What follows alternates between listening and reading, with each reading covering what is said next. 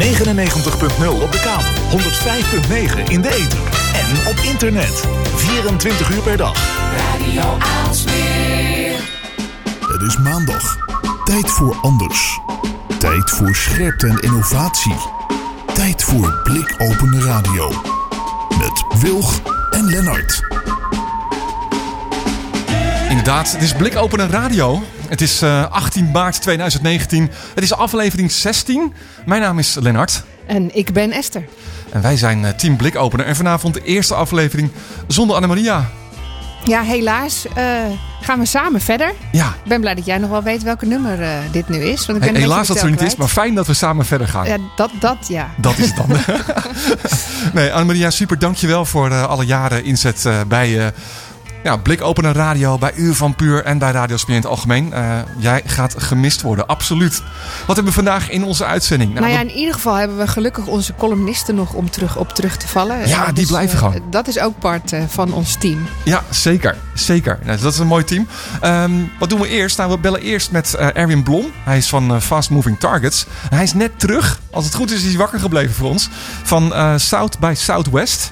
SXSW schrijf je. Eh, dat is het grote technologie- en muziekfestival dat de afgelopen week plaatsvond in, eh, in Texas, in, Au- ehm, in Austin.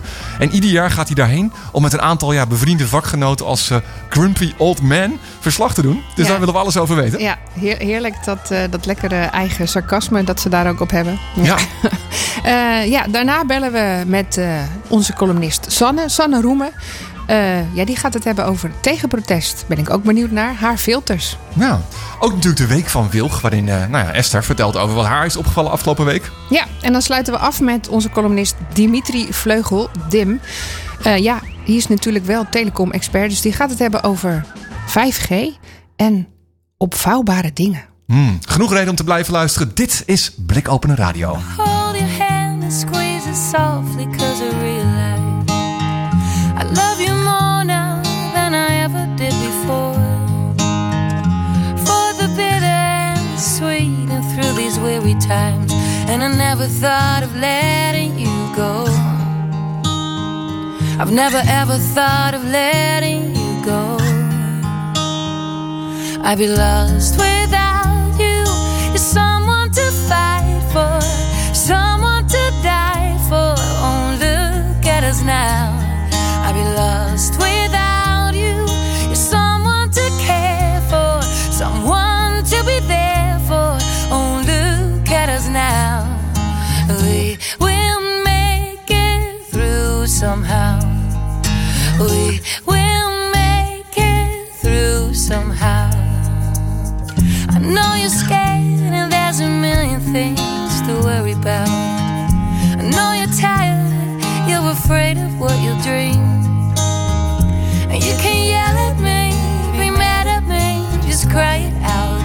Never thought of letting you go. No, I've never thought of letting you go. I'd be lost without you. You're someone to fight for, someone to die for.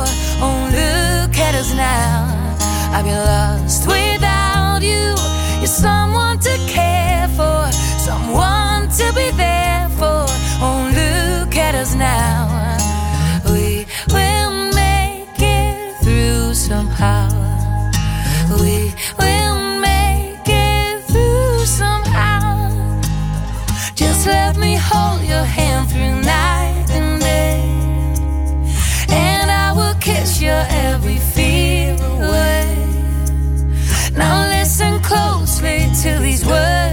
say. I've never thought of letting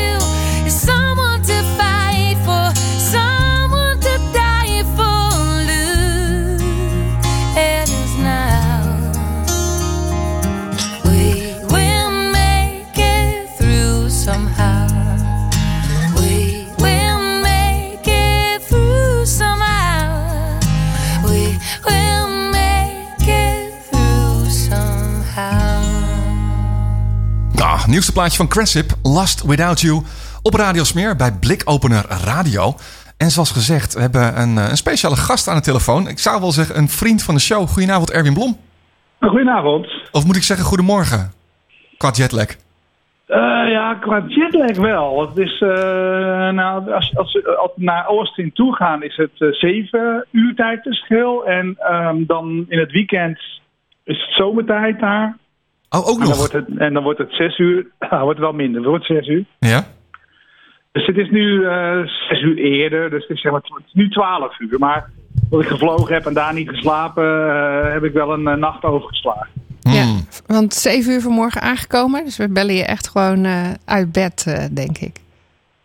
Nou, nee, dat probeer ik juist niet te doen, maar dat is heel moeilijk. Dus ik denk altijd, je kan maar het beste gaan proberen in één keer door te gaan tot weer vanavond de normale tijd is om te gaan slapen. Of net iets eerder misschien. Ja. En hopelijk ga je dan, ben, je, ben je dan zo snel weer mogelijk weer aan, eh, aan de gewone tijden. Dus ik heb, ik heb niet geslapen nog, eh, nog vandaag. Het, eh, een uurtje of twee uur geleden zat ik wel een klein beetje in slaap te, te soezen boven mijn eh, computer en boven mijn krant. Maar eh, daar ben ik nu weer overheen. Nou, je klinkt eh, verrassend eh, fris. Ja, Dus dat is, dat is mooi. Ehm, Erwin, voor de mensen die het niet eh, kennen. Wat is South by Southwest, die SXSW-afkorting? Wat, wat is het? Eigenlijk de drie festivals tegelijk. Het is een eh, filmfestival dat tien dagen duurt. Het is een eh, muziekfestival dat in principe eh, tot nu toe altijd, of tot voor kort altijd, vijf dagen duurde. En eh, het is een interactive festival, dus nieuwe technologieën, nieuwe mogelijkheden, nieuwe trends, dat ook vijf dagen duurt. Dus er zijn eigenlijk drie festivals in één, die allemaal in in, in Austin zich afspelen. In een heel groot congrescentrum en allerlei hotels eromheen. Eh, dus je kunt er zowel, ik hou heel erg van, eh, van muziek ook, dus je kunt er zowel heel veel leuke nieuwe muziek zien. Als heel veel eh, interessante panels bijwonen, spreekbeurten van mensen horen. Een beetje een gevoel krijgen bij wat, wat er aan de hand is in de nieuwe wereld. Oké, en, en Austin is natuurlijk wel, staat wel bekend als nou, in ieder geval de meest progressieve stad, denk ik, in Texas. Ja, dat zeker. wat, wat is het voor stad? Hoe, hoe zou je dat... is het iets vergelijkbaar met wat we in Europa kennen? Ja, nou, eh, nee, ja, Amerika is sowieso echt wel anders, maar het is natuurlijk een studentenstad en, en eigenlijk in alle studentensteden geldt natuurlijk wel dat ze net wat anders zijn dan eh, de niet-studentensteden. Er zijn meer, over het algemeen meer uitgaansgelegenheden. En, eh, Austin is, is, is heel erg ook altijd een, een muziekstad. Ja, ik vergelijk het toch wel een klein beetje, maar dit, festival op een bepaalde manier ook wel met Eurosonic Noorderslag, wat zich in Groningen afspeelt, maar dan altijd in de winter. Eh, waar je ook in elke kroeg eh, een, een bandje kunt zien en, en, en dan in, eh, in Groningen in de, in de Oosterpoort sessies kunt bijwonen. Dan hebben ze alleen geen, geen filmelement. Maar daar, daar, daar, daar zie ik overeenkomsten in, ook al als stad. Het is een relatief kleine stad. Je kunt in het centrum eigenlijk alles fietsend, lopend zelfs, het grootste stuk eh, doen. En dit jaar was eigenlijk de, de ele- elektrische step was, eh, het grote Ah, eh, daar ook al. vervoermiddel. Ja, die heb ik voorbij zien komen. Daar hadden ze zelfs een soort Uber-variant op, geloof ik. Klopt, je had, nou, er waren wel vijf of zes verschillende eh, bedrijven die, eh, die, die, die steps eh, leverden. Lyft was er eentje van. Eh, eh, Bird was er eentje van. En eh, Uber, het heette dan Jump by Uber, heette het. Eh, je had elektrische fietsen en eh, elektrische eh, ja, scooters noemen zij het. Waar, maar voor ons ziet het eruit als een step. En je kan er ook op steppen, dus dat is, dat is wat het is. Ja, En, die, en, die, en, en het deed ook wel een klein beetje denken. Ik weet niet of dat bij jullie het geval is geweest, maar hier in Amsterdam in ieder geval wel. Er was op een gegeven moment waren Chinese fietsen, gele Chinese fietsen. Die in de, in de stad in Amsterdam gedumpt werden. En ook een aantal andere steden, Rotterdam in ieder geval ook. En ook met het idee, want dat is het idee van die step ook. Je pakt die fiets ergens waar je hem nodig hebt en je zet hem weer neer eh, waar je aankomt. En je betaalt dus alleen voor de, voor de reistijd. Dus het is niet dat je een, een, eh, eh, een hele dag een fiets huurt of per uur. Maar je doet echt per, per minuut huur je zo'n apparaat. Maar het gevolg daarvan is mensen kieperen die dingen ook overal neer. Dus eh, Het rommeltje. het, het wordt wel echt een rommeltje, ja. Dat is absoluut. Maar het heeft ook wel wat met de step door zo'n stad. Maar ja, het is ook wel gevaarlijk. Want ik heb ook wel gezien, eh, ook wel een Nederlander die met een eh, heupfractuur in het ziekenhuis belandde. Oh. Die, wieltjes, die wieltjes zijn heel klein, hè. En als de, de weg dan hobbelig is... eh, ja, en als je je hebt het nooit eerder gedaan en je begint eigenlijk midden in het centrum met zo'n ding te rijden, dat eh, is ook wel gevaarlijk. Ja, ze, ze trekken ook lekker snel op. Hè. Het is natuurlijk volledig elektrisch, dus dat heeft meteen zijn volle snelheid. Ik Ja. kan me daar wat bij voorstellen. Maar goed, het was natuurlijk een soort van lancering. Hè, want er zijn natuurlijk over de loop van de tijd heel veel dingen in, in eh, juist in Austin, eh, die daar hun oorsprong hebben gevonden. En, en daarom zit jij daar dus eigenlijk ook al jaren achter elkaar, elk jaar weer om verslag te doen van South by Southwest. Of niet? Ja, nee, dat klopt. Dat, dat klopt. Dus ik ben, er eigenlijk, ik, ik ben het steeds een beetje gaan oprekken. Ik ben, ging eerst altijd alleen voor, eh, voor Interactive. Eh, en de eerste keer dat ik er was, dat is twaalf jaar geleden volgens mij. Twaalf jaar al. Eh, ja, maar... maar zijn en hoe lang bestaat het festival? die- het bestaat volgens mij al 25 jaar of zo. Wauw. Dat is eerst als muziek begonnen, het Interactive is er later bijgekomen. Ja, in, Dus, al sinds zeven- eh, 87 geloof ik dat het bestaat. Wauw. Dus Ja, het interactive dus, is later.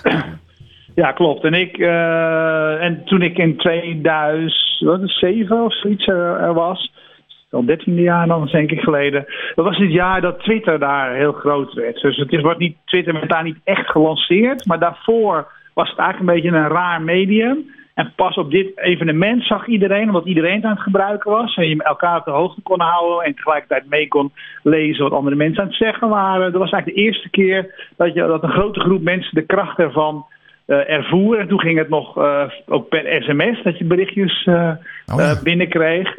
Eh, dus dat jaar wordt gezien als het jaar waarop Twitter gelanceerd werd. Het jaar daarna was volgens mij Foursquare. Oh ja, en, Foursquare. en dan, daardoor En Airbnb vragen mensen altijd... Van wat was de Twitter van dit jaar? Maar zo moet je er eigenlijk niet naar kijken. Want dat is eigenlijk daarna nauwelijks meer gebeurd. maar goed, Airbnb, wordt- Airbnb heeft natuurlijk ook daar zijn, zijn, zijn wieg eh, gehad.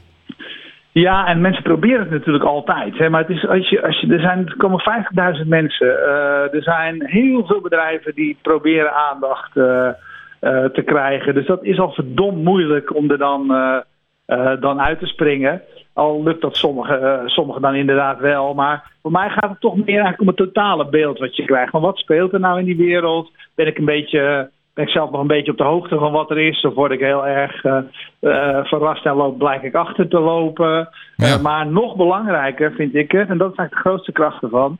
je bent, als je dat interactive gedeelte even alleen pakt, je bent er vijf dagen met, met een groep mensen, met gelijkgestemden, met wie je overdag sessies bezoekt, die je later weer tegenkomt in een restaurant of misschien s'avonds in een kroeg.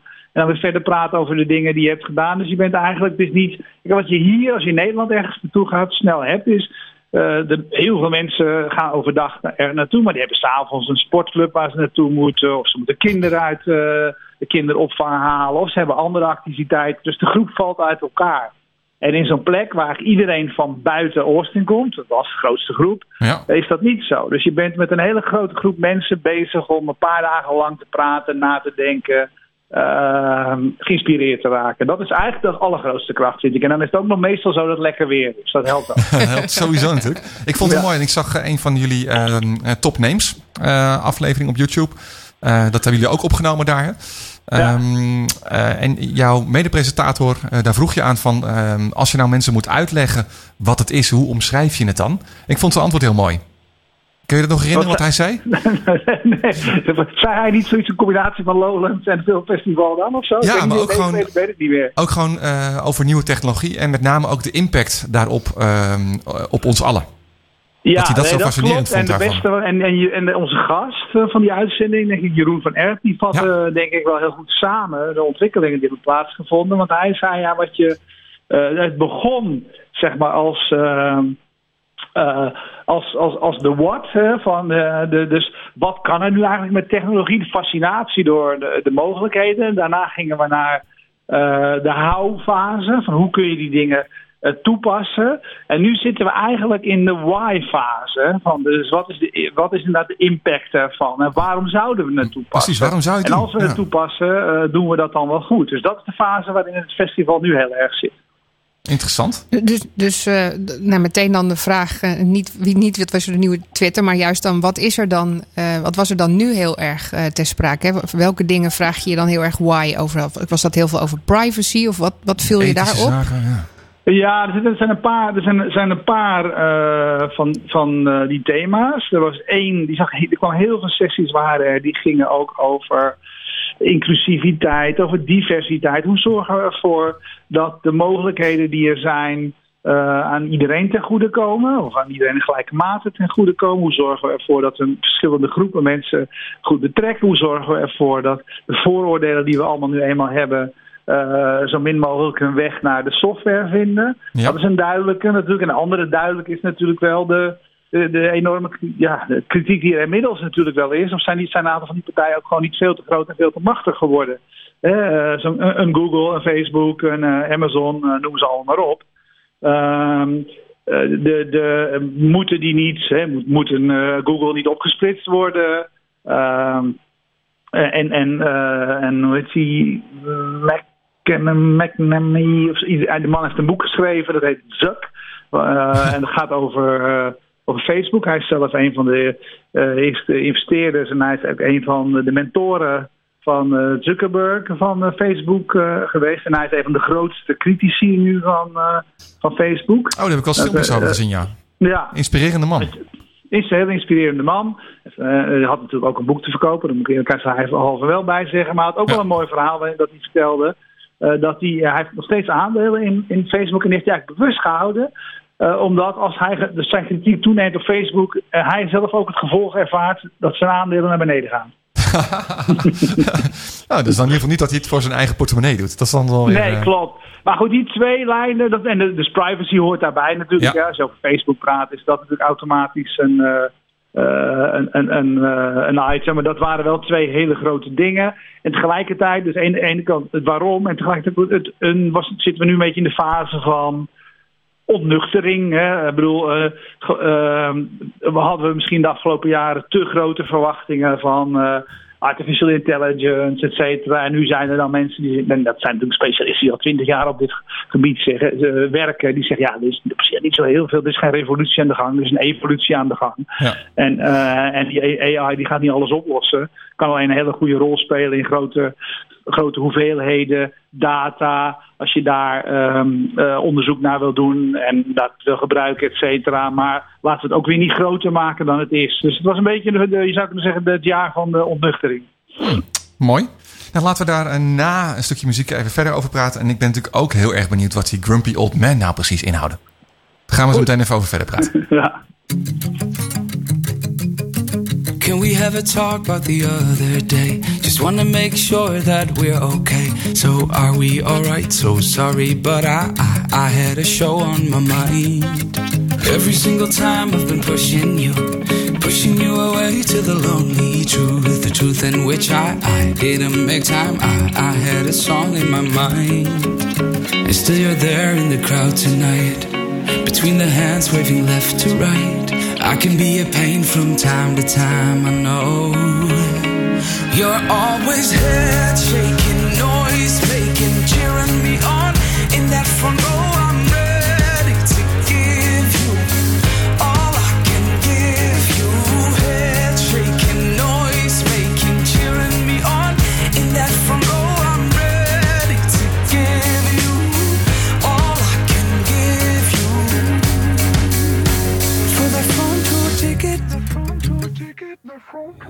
Very well be the other way around. You in the spotlight, me in the crowd, stealing the show, giving it all, turn tickets into memories, cheering for you and not me.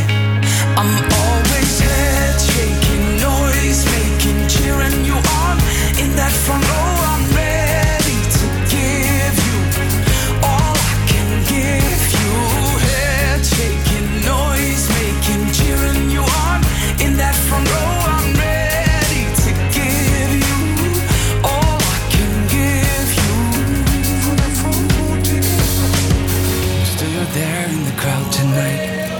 Between the hands waving left to right. I can be a pain from time to time. Whoa, whoa. And still you're there in the crowd tonight. Between the hands waving left to right. I can be a pain from time to time. Whoa, whoa. And still you're there in the crowd tonight. Between the hands waving left to right.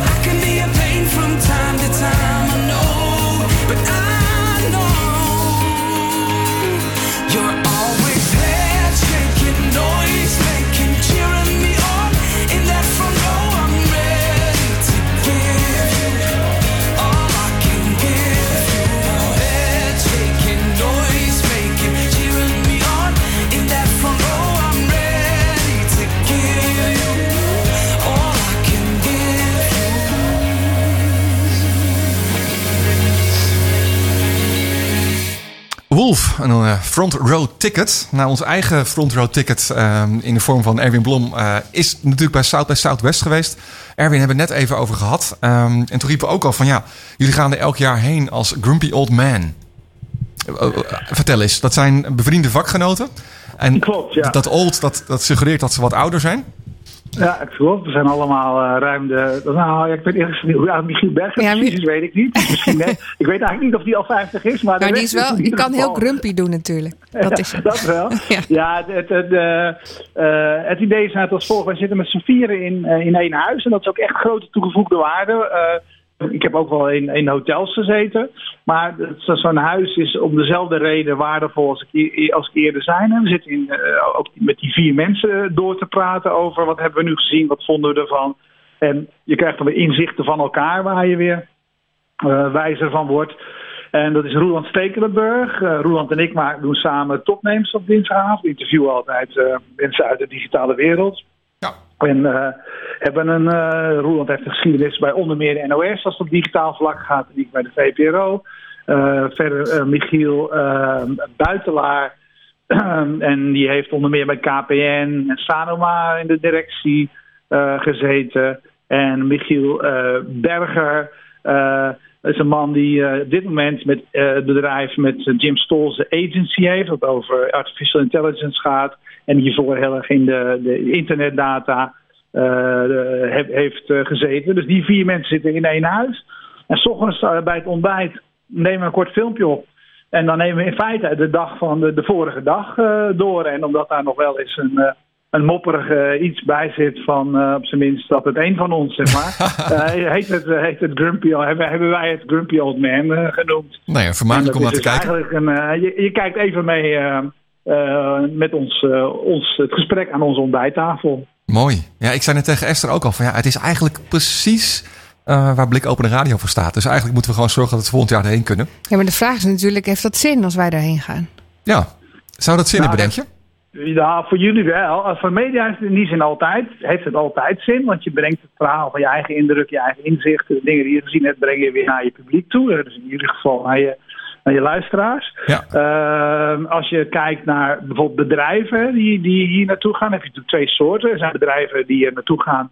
Eh Roland en ik hebben vorig jaar een aantal directeuren van sportbonden meegenomen. En dit jaar een aantal mensen van de KVB. Dus dat zijn mensen die van bedrijven die, die, die geïnspireerd willen raken door nieuwe mogelijkheden. Dat is één kant, dat is super waardevol, denk ik. Maar als je als bedrijf er iets aan wil hebben, business-wise, dat is weer een iets ingewikkelder. Want ehm, dat moet je eigenlijk, als ik heel eerlijk ben, alleen doen. Als je gewoon heel erg goed voorbereid, heel erg goed eh, beslagen ten ijs eh, kan komen. Bijvoorbeeld. Want ik, ik Ja, las... er, zijn eh, soms, ja. ja. er zijn soms gewoon op één moment zijn er 50 of 60 sessies, hè, verschillende sessies, die allemaal om aandacht eh, roepen. En dan heb je ook nog in alle, allerlei panden eromheen, zoals bijvoorbeeld de New Dutch Wave, een, een, een, een kroeg die afgeschuurd door de Nederlandse delegatie, heb je sessies. Maar ook het German House en het. eh, alle, alle landen hebben hun eigen house. Nou, naast het officiële mensen- programma nog een keer. Ja, en die vecht om, om, de, vocht om de aandacht. Ja. Dus, eh, dus als jij gewoon iets doet in dat Hollandhuis, zeg maar, in het nieuw Dutch, Dutch Wave eh, pand. En je staat niet in het eh, officiële programma. Ja, dan wordt het alweer een heel stuk moeilijker om mensen naar je toe te krijgen, bijvoorbeeld. Maar als je, dat- als je niet uitgenodigd bent door by Southwest en wel in dat programma wilt, ja, dan moet je alweer 2500 dollar Ah. Eh, neertellen. Dus dan moet je eerst alweer fors eh, betalen om, eh, om mee te doen. En ehm, ik, ja, ik zou zeggen, doe het alleen als je in het officiële programma kan zitten. Doe het alleen als je heel goed voorbereid het kan doen. Dat is natuurlijk wel mooi, want je ziet, je kunt natuurlijk van de heel veel mensen die komen, kun je al zien dat ze komen. Dus die kun je ook wel benaderen, kun je actief benaderen van, we hebben een sessie daar, wellicht is het interessant voor jou. Of we doen iets wat voor jou interessant kan zijn, zullen we een afspraak maken. Als je dat soort dingen allemaal heel erg goed doet, dan zou ik niet zeggen dat je meteen een eh, deal hebt gesloten als, maar dan heb je op zijn minst allerlei contacten gelegd waar je later weer veel meer mee eh, kunt. En daar heb ik dit jaar van eh, Tony Chocolonely gezien. To- Tony's Chocolonely. die deden dat dit jaar heel erg goed en heel succesvol. Was het voor hun Eh, bedoeld kijk, als een soort, eh, natuurlijk- was het voor hun bedoeld als een soort introductie in Amerika? Of wat was, wat is het doel van zo'n bedrijf om daar te staan? Ze gaan, ze gaan nu inderdaad, vorig jaar waren ze er ook al, maar toen waren ze wat kleiner. En nu waren ze wat prominenter aanwezig. Ze hebben ook echt een Amerikaans PR-bedrijf ingehuurd om, om de aandacht te vakken en interviews te regelen en alles. Ze willen na Nederland willen ze eigenlijk eh, in Amerika groot worden. Dat is, hun, dat is hun streven. En met het verhaal achter, hun, achter de, de slavenarbeid rondom de productie van eh chocoladerepen, et cetera. Dus wat zij zijn, eh, kijk, zij hebben gewoon een heel goed verhaal. Kunnen dat ook nog eens een keertje heel goed vertellen. Dus het is ook, als je het gehoord hebt, kun je het ook weer doorvertellen. Dus dat is gewoon heel erg krachtig. Hè. Sommige dingen zijn gewoon ingewikkeld of spreken niet meteen tot de verbeelding. Zij hebben een goed verhaal en ze kunnen het goed eh, aan de man brengen. Ik ben er bij de sessie geweest, de presentatie die, de- die een van de mensen van eh, Tony Chocolonely gaf. En de zaal zat helemaal vol. Mensen waren enthousiast. We vochten daarna om de repen, ook dat wel. Eh, maar- Dat is toch een soort Nederlandse Maar- trots dan ook, hè? Maar goed, maar als je, maar- als je nou een start-up heb je er gaat. echt wat aan. Als je nou een start-up gaat, want dit is natuurlijk misschien een grotere bedrijf. Tony Chocolonely heeft ook echt eh, eh, heeft geld voor, voor PR om dat van tevoren te regelen. Of misschien iets met het programma te doen. Maar er zijn natuurlijk heel veel start-ups die, die ik ook ken. Er zijn er, er zijn er twee ook echt heen geweest. Die dan toch hopen op een of andere manier ja, daar, daar het programma te hacken. Of, of, of een soort van eh, de nieuwe Twitter te worden. Dus heb je daar nog adviezen voor? Zie je daar ook dingen gebeuren dat je zegt van ja... eh, Nou, als, ja, ik zou dat. Die, kijk, die kans is echt wel heel erg klein. Want alle grote partijen zijn er natuurlijk ook. hè. dus het is. Ik zou zelf zeggen. Wat de, wat, waar het de beste kans voor is, vind ik. Omdat er zo'n grote, brede groep mensen aanwezig is. waar je wel wat aan kan hebben. Omdat het misschien een investeerder is. Of dat het misschien een, een, een partner voor je kan zijn in een ander land. Ik zou zeggen, ik ga daar naartoe. En ik ga niet eens presentaties. eh, ik ga niet onder, onderdeel van het programma worden. Maar ik ga gewoon mijn dagen vol plannen eh, met afspraken. Omdat ik dan in één keer in een paar dagen eh, allerlei mensen kan spreken. Die ik anders nooit in een paar dagen kan spreken. Omdat ik daar naartoe moet reizen. En ze zijn ook nu wat toegankelijker. Hè? Want ze, ze, ze, eh, Ja. ze, zijn ook, maar ze zijn makkelijker om eventjes eh, Aan de bar. pitch bij te houden, zeg maar. Ja. Dus dat, vind, ik- dat is denk ik wel heel waardevol. Dat zou ik wel doen. Maar ook dan wel goed voorbereiden. Want je komt die mensen niet zomaar tegen natuurlijk. Die kans is klein.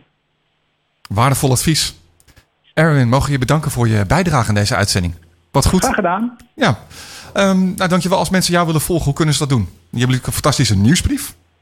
Zeker, dat is eh, de, de nieuwsbrief heet, heet Handpick van Fast Moving Targets. Eigenlijk het allermakkelijkste is, kijk, op eh, Twitter is de makkelijkste ingang. Of via @fastmoving, alles van Fast Moving Targets. En dan zie je ook de nieuwsbrieven langskomen. En zelf heet ik op Twitter @erblo, E-R-W-B-L-O. En als je die volgt of even naar kijkt, dan vind je wel andere ingangen om de rest van de informatie te vinden. Hartstikke goed. Erwin, bedankt. Oké, tot ziens. Hoi.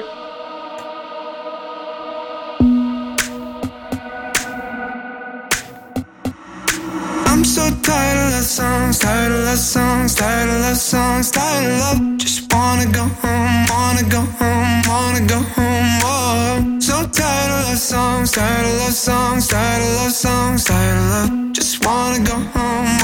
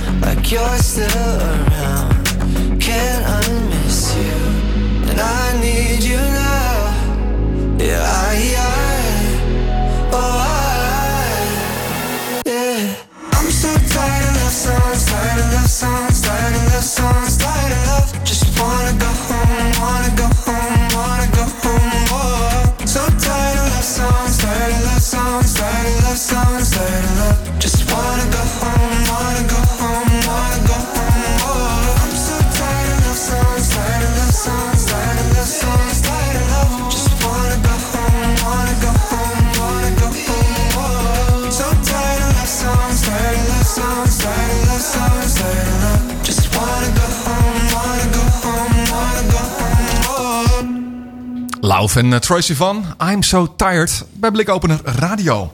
Ja, wat ik net nog uh, even wilde zeggen is uh, fastmovingtargets.nl. Daar kun je dus ook de filmpjes kijken van die Grumpy Old Man. Als je nou nog eens terug wil kijken naar Ja, South by Southwest en wat daar allemaal te beleven was. Ja, de topname interviews eh, kun je daar zien. En inderdaad, eh, de Grumpy Old Man. Spannend. Eh, ja. En nou, ondertussen gaan we door naar eh, onze columnist, Sanne. Sanne Roemen is aan de telefoon.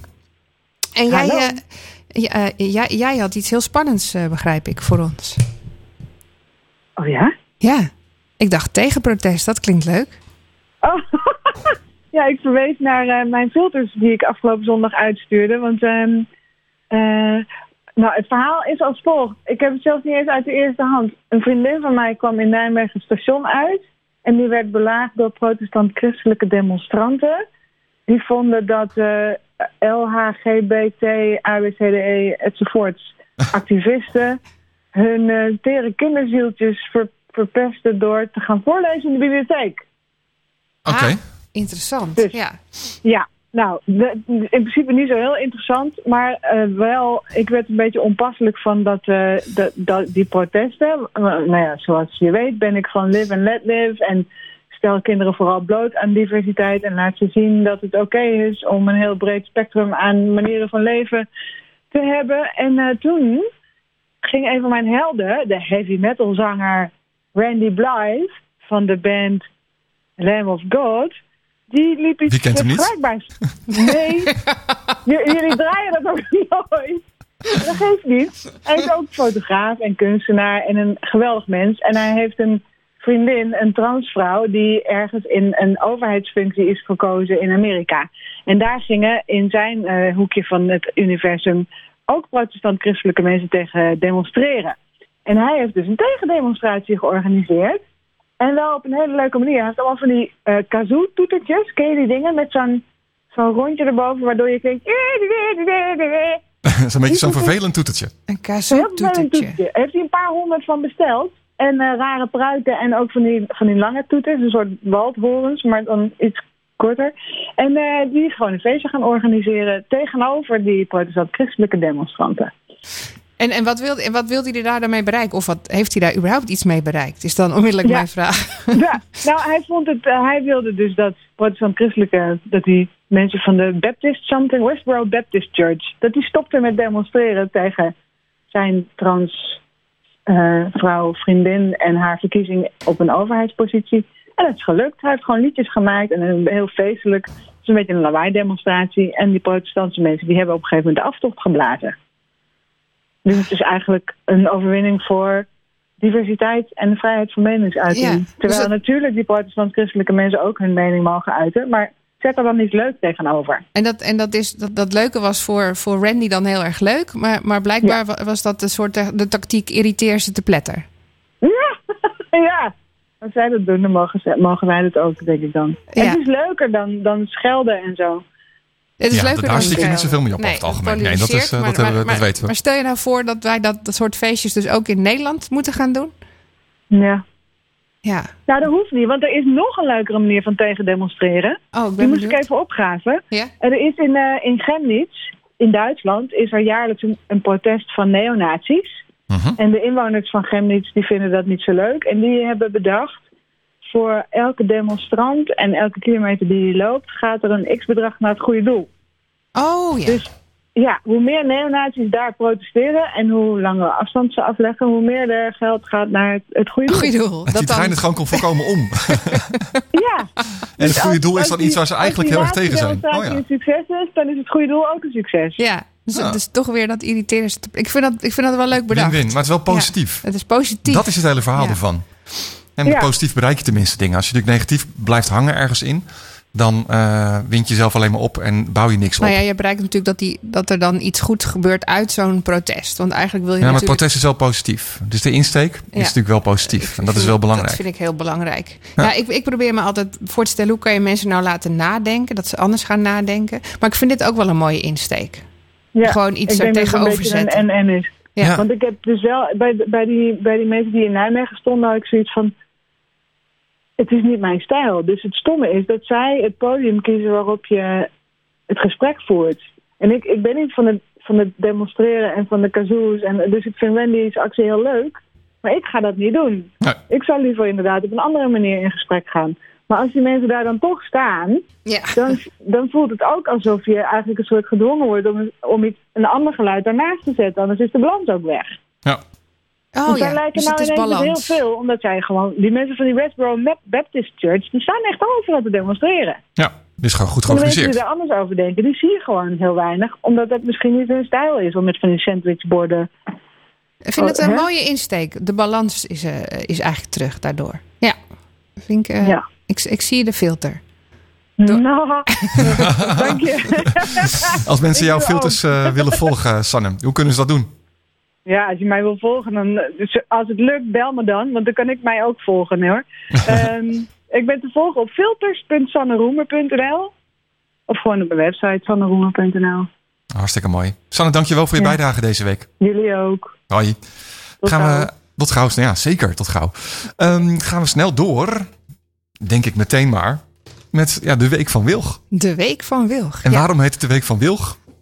Ja, omdat ik eh Ed Wilg eh, op Twitter ben. Ja, Ja, je mag dat- ook de Week van Esther Gon zeggen, maar dat de Week van Wilg klinkt toch net iets lekkerder. Ja, dat is wel waar. Dus die houden er gewoon in. Ja, klopt. Voor, eh, voor als je niet mocht snappen, de Week van Wilg. Ik, ik denk dat jouw week eh, met name stond over, eh, in, teken stond van de sensatie van elektrisch rijden. Ja, nou vooral dat. Ja. Ik heb hem hier heel groot eh, als aantekening staan. Blue Lightning. Blue Lightning. ik vind het een goede omschrijving. ja, ja, Ja. eh, ja, we hebben net eh, eh, met ons bedrijf ook een, een Tesla Model 3 aangeschaft. Dan ben je echt een van de eerste mee. En dat was ook inderdaad een van de eerste 500 die eh, in Nederland eh, verscheen. En Nederland was het eerste land in Europa dat überhaupt eh, de Model 3 uitgeleverd kreeg. Omdat daar nou eenmaal de schepen als eerste binnenkwamen. Ja, en ze hebben in Tilburg volgens mij een soort fabriek waar ze dingen in Tilburg of zetten iets ze, zetten ze ze weer naar Europese dingen om. Of Ja, zetten ze de laatste stukjes eraan. De, de nette randjes en de Europese dingen. En dan installeren ze nog de laatste dingen in de software. En dan mag die uitgeleverd. En inmiddels rijden ze ook al in andere landen rond. Maar ja, wij waren een van de eerste die ermee mochten rijden. En ik moet zeggen, ik snap niet waarom je er zo lang over nadenkt. Want het is zoveel logischer, schoner rijden. Ja, En het voelt ook zo veel logischer. En, en het is ook geen auto meer, maar een hele grote iPad die... hij is zo gaaf. Het is geweldig. Ik, heb een stuk met je meegereden, maar het is echt het heel is erg cool. echt- En het is ook heel logisch. En hij update ook gewoon één keer in de zoveel tijd. Dan, dan zegt die eh, auto dat hij een nieuwe softwareversie heeft. Want En dan kan hij nieuwe dingen. dan kan hij nieuwe dingen. Of dan hebben ze dingen ontdekt die niet zo goed werkten. En dan geven ze je onmiddellijk een software update. Net zoals je met je computer krijgt. Of met je iPad of met je telefoon. En Dus- dat is eigenlijk zo logisch. En Ja. hij leert ook. Hij leert van zichzelf. Hij leert van jou als, als rijder. En dan kan hij dus ook weer verbeteringen doordoen. Dat stuur je ook allemaal op. Dus al die data die worden weer verzameld. Eh, en daardoor krijg je dus eh, steeds betere auto's. En dus die autopilot, waarvan iedereen denkt dat gaat nog heel lang duren. Want eh, dat moet je heel anders doen. En hoe, hoe Tesla dat nu aanpakt is eigenlijk helemaal niet zo goed. Want nou, het is allemaal nog heel, ja, heel, heel pril. En hij kan nog niet zoveel.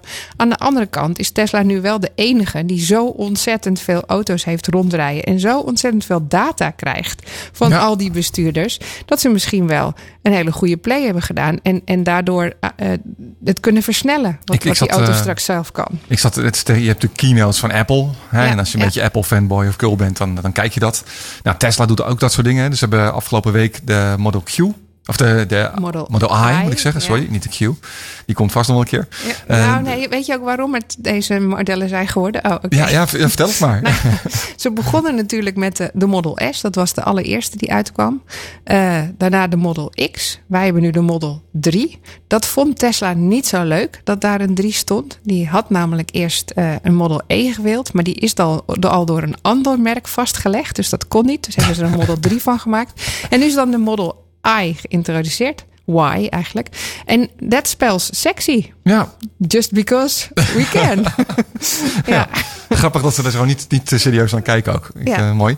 Eh, en die i is dan zeg maar een, eh, een SUV-variant van de auto die jij nu hebt. Daar komt het op neer. Ja, het is net dat de X een beetje een, een uitgetrokken versie van de S is. Zo'n beetje omhoog getrokken, alsof Ja, ze hem zo de luxe, de luxe versie. hebben. Is dat ook met de Model 3 zo. zo Maar er komen van de Model 3 nog meerdere versies in omloop. Hè. Dus deze is al goedkoper dan de, dan de S. Hè. Dus deze zou je al vanaf eh 50.000 kunnen rijden, geloof ik.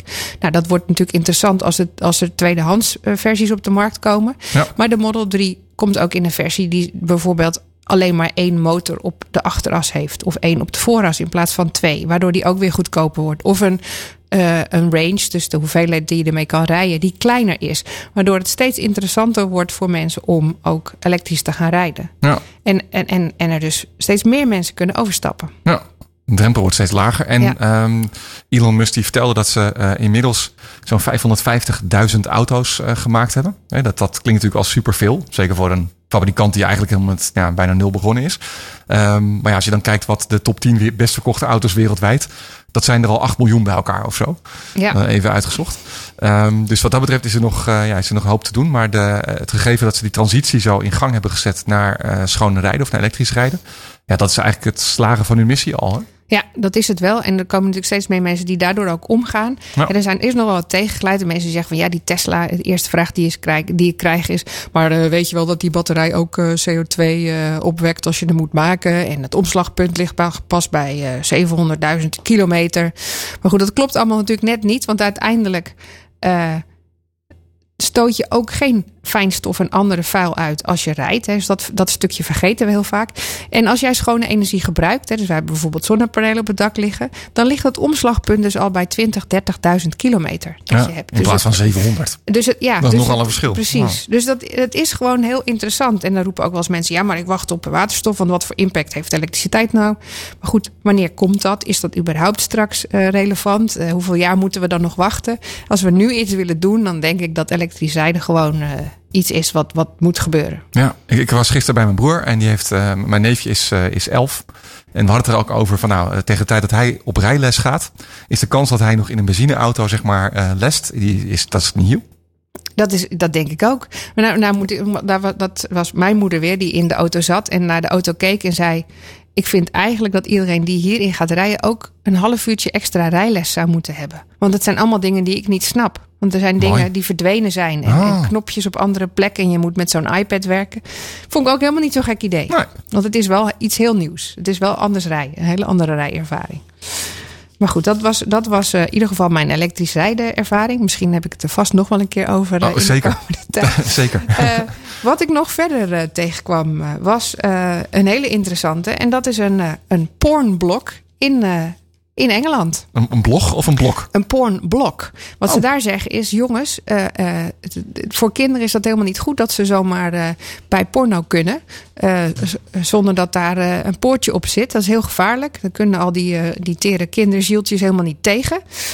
Misschien heeft dat ook wel een beetje te maken met protesten, waar, Sanne dat net over had.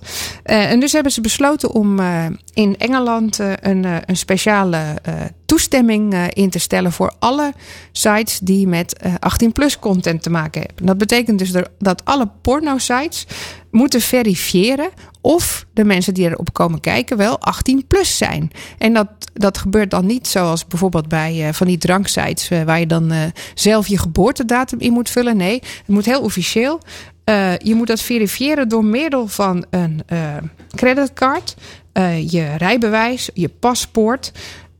En, en als pas als dat eh, gecontroleerd is, mag je dus toegang tot die site hebben. Nou, leek mij dat niet heel erg. eh, Dat klinkt als een privacy dingetje en ook niet iets waar mensen heel erg mee te koop dat gaan bedoel lopen. ik. Dat leek mij ook niet echt heel erg zeg maar met je, handig. met je paspoortgegevens, eh, Nee, ik zou dat mensen weten waar je bijvoorbeeld naar kijkt. Lijkt mij ook heel gevaarlijk. En dat was ook precies het punt van heel veel mensen die kritiek hebben. Die zeggen van ja, maar dat is misschien nog veel gevaarlijker. Waar wordt dat dan opgeslagen? Ja. Hè, zit daar niet, zitten daar niet hele grote gevaren in? Er zitten ontzettende gaten in, in die wet die ze nu ingesteld hebben. En die gaat ook al per 1 april van start. Nou, je zou denken dat is een grapje. In de UK ook in echt. de UK. Maar in de UK hebben ze ook niet genoeg te doen nog. Nee, dat dacht ik ook. veranderingen. Maar nou hadden ze wel bedacht van, nou ja, als, het dan niet met je, als je dan niet per se je paspoort op wil sturen, dan mag het ook met een, met een bepaalde pornpas.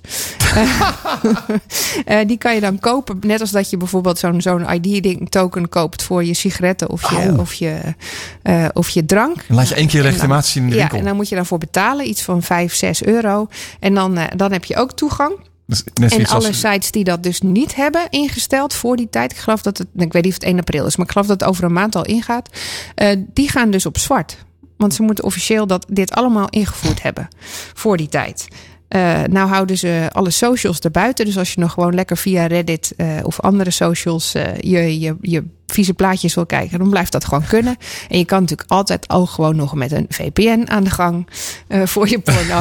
En ze geeft wat tips. Ja. Ja, nee, maar de, maar de kritiek is ook van jongens, ik denk dat mensen die heel graag willen hier gewoon makkelijk omheen kunnen. Ja. En, en is dit wel de manier om dit aan te pakken? Dus Ja. ik vond het wel een hele bijzondere met een leuk vraagstuk. Interessant. Ja, Ja. zeker. Ja, dus als ze uit de, de EU gaan, dan gaan ze dit soort dingen doen. Zie je wel, het komt allemaal door Brexit. Ja, dat denk ik. Mag je geen porno meer kijken? Om, Nee. nou ja, dat, Eh, en als laatste had ik nog een, eh, een eh, provincie-kieswijzer. Er is iemand die zegt: al die kieswijzers die zijn veel te polariserend. Je moet ja of nee kiezen op een, op een, een soort van stelling. Maar misschien ben je wel veel nuance- nuanceerder in je visie. Eh, en die heeft met behulp van de persgroep, alle kranten in Nederland die. eh, nou ja, die zouden dan onafhankelijk moeten zijn. eh, een kieswijzer samengesteld waarbij je dus je soort van aan de hand van vijf soorten oplossingen ja, kan kijken wie nou het beste bij jou past. Eh, Vond ik wel een heel interessant. Dat dat is de interessant. provincie-kieswijzer. En die zegt ook: ik verzamel alleen geanonimiseerde data. Die gaan we niet doorgeven aan de politieke partijen. Maar daardoor kunnen we wel heel veel meer. En dat, eh, dat is een beetje de bedoeling om mensen beter geïnformeerd eh, aan een eh, verkiezing mee te laten doen. ik vind het een goed idee. Want ik heb werkelijk geen idee zelf. Nee, vooral Om met, met de waterschappen heb ik zoiets van: oh ja, die hadden we ook nog. Ja, precies. Ja. Ja.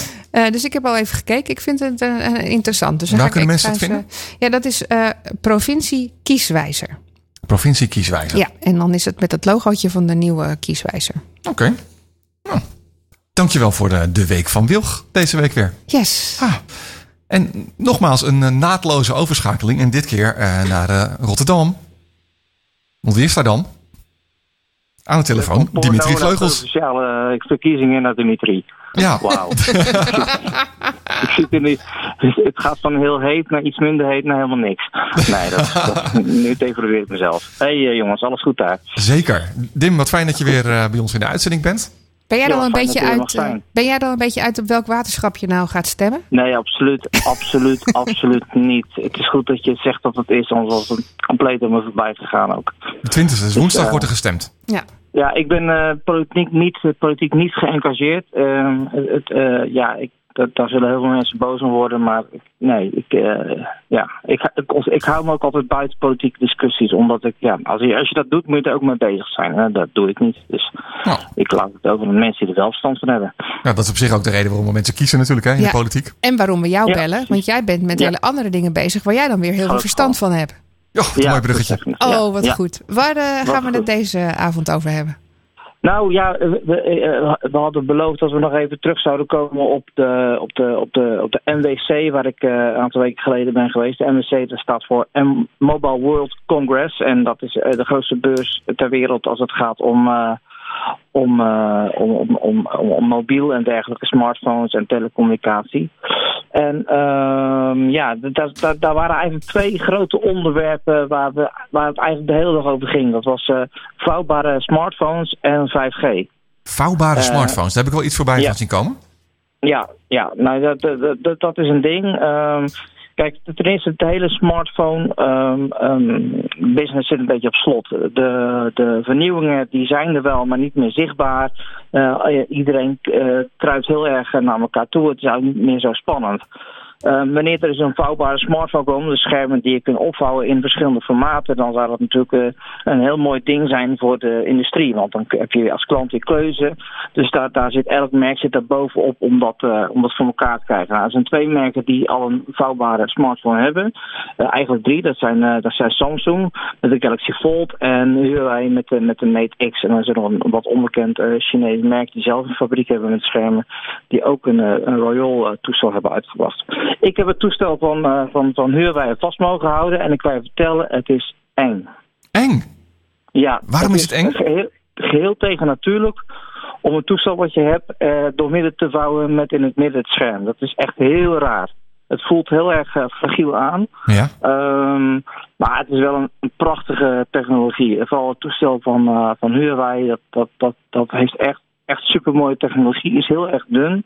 Ehm, het, het, het scharniermechanisme bestaat uit 3000 verschillende onderdelen. Wat? En, eh, en eh, ja, ont- als je, als je iets buigt, hè, dus niet een papier, maar als je iets buigt, dan, dan is die bij de buigrand wordt iets groter. Je kan nooit, eh, als je bijvoorbeeld een stuk karton neemt en je buigt dat, dan Ja. is dat nooit helemaal plat.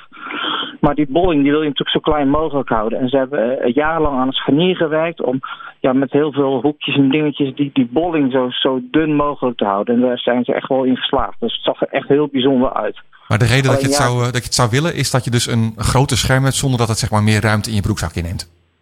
Ja, dat, dat, dat, je, dat je dus onderweg bent en, je, en je hebt gewoon een smartphone en je gaat ergens zitten en je moet even een mailtje tikken, dat je het scherm gewoon uitklapt en dat je dan op een, op een 7,5 inch scherm, eh, dat je dan iets kunt gaan tikken. Of dat je op de bank zit en je gaat een lekker filmpje op Netflix kijken, dat je het scherm uitvouwt en dat je op 8 inch kunt kijken in plaats van op eh 6 inch. Dan zijn er natuurlijk nog heel veel ehm, ehm, eh, toepassingen te bedenken. Wat ook mooi is, is dat je eigenlijk als je in opgevouwen toestand heb je ineens in plaats van één scherm, heb je twee schermen. Als je hem zeg maar als een omgeslagen boek opvouwt, als je hem Oh als een echt boek opvouwt, heb je totaal geen twee schermen. Maar kun je vaak aan één kant ook weer een klein schermpje zetten voor de notificaties en dergelijke. Dus het, het geeft heel veel meer eh, mogelijkheden om eh, mensen te voorzien van, eh, van, van informatie. eh. dus dus de, de, de business is er lang, lang niet hoor, want de toestellen zijn ontzettend duur. En, en ze zeggen, eh, Samsung zegt dat ze er al een miljoen van maken, maar dat, dat geloof ik nog niet zo. Ze zijn echt krankzinnig duur. Dat is rond de 2000 euro. Dus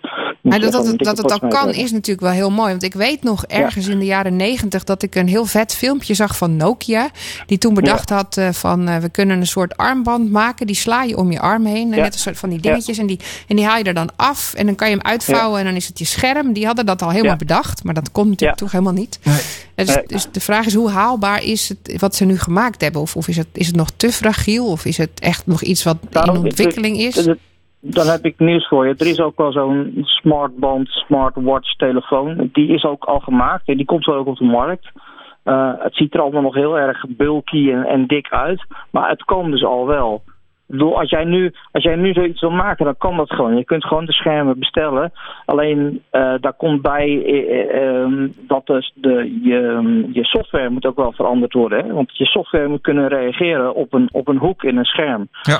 Als jij bijvoorbeeld dat ding uitgevouwen hebt en je kijkt naar een filmpje en je vouwt een dubbel, ja, dan wil je dat het scherm naar één kant springt. Ja. Snap je? En dat moet allemaal. En je dat beeldverhouding klopt niet meer daar, eh, natuurlijk. voor samengewerkt met Samsung. Daar is een Android, eh, de, de Android Pie, is ook een Android Q, is daar rekening mee gehouden. Dus, maar dat, dat, kijk, met, en met elk ander schermtype en formaat moet je daar rekening mee houden. Dus het is voor de, voor de softwarekant is het natuurlijk ook best wel een, een dingetje. Wanneer verwacht je dat het mainstream wordt? Ja, in 2020. Ik denk dat we op NWC 2020 dat we daar eh, drie, vier, vijf aanbieders gaan zien met vouwbare, schermen. En dat we dan nog steeds wel boven de 1000 euro zitten, maar dat het, ja, dat het wel betaalbaar duur wordt. Ehm, je ziet dat heel veel kleine merken zeggen van joh, weet je, we zijn in, in, onze lab zijn we bezig om iets te bedenken, maar we wachten even tot de storm is gaan liggen en we gaan kijken tot we iets kunnen ontwikkelen wat gewoon betaalbaar is. Waar ook wat voor te zeggen is natuurlijk.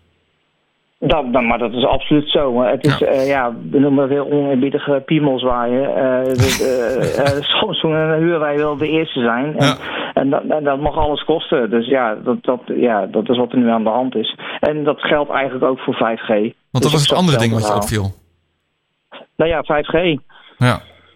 5G, eh, elke persconferentie die begon met eh, 5G en elke persconferentie zei ze van wij hebben het meeste geïnvesteerd. We waren de eerste met een toestel op 5G en ik Maar vraag me af, maar wat heb heb, ik- aan ja. 5G? Ik heb gehoord dat dat hele 5G nog best even op zich kan laten wachten. Nou, dat, is, dat heb je goed gehoord. Eh, vooral in Nederland, eh, daar zijn de frequenties nog helemaal niet, ehm, niet, niet geveld. Eh, een van de redenen is, is dat een, een, een, een frequentie waar heel veel van het verkeer plaats moet vinden nog in handen van Defensie is. Er is ergens in Nederland een, een afluisterpark. eh, waar ze mee ze, zeg maar, andere landen afluisteren. Zo simpel is het. En die opereert op die, vijf, op die frequentie. En dat moet eerst verplaatst worden voordat het geveld kan worden. Nou, dan moet het geveld worden. En dan moeten alle providers nog hun netwerken gaan aanpassen aan 5G. Ik, ik Eh, begrijp dus- dat je daar heel erg veel masten voor nodig hebt. Dat het bereik zeg maar, van zo'n mast eh, relatief klein is. Dus dat je echt Ja. ontzettend veel masten moet plaatsen. Dat is wat ik gehoord heb daarover. Ja, ja nou, nou, dat, dat, dat zou best kunnen. Eh, ik zit meer aan de consumentenkant en ik bedenk dan, goh, Ehm, stel je voor dat ik een, een 5G-verbinding wil hebben. Dan moet ik sowieso extra voor betalen. De toestellen zijn duurder. Maar wat word ik daar beter van? hebben jullie daar een idee van? Nou, ik, ik, ik heb al gehoord ook dat eh, grote pro- eh, providers bijvoorbeeld niet meer investeren in eh, het aanleggen van, van glasvezelnetwerken in zeg maar Ja. lintbebouwing. Hè, maar dat je eh, met die 5G-techniek, dus op ook wat Ja. meer afgelegene gebieden, zeg maar ook Ja. voor thuisgebruik, eh, dus mensen op Ja. die manier zeg maar met internet kunt verbinden.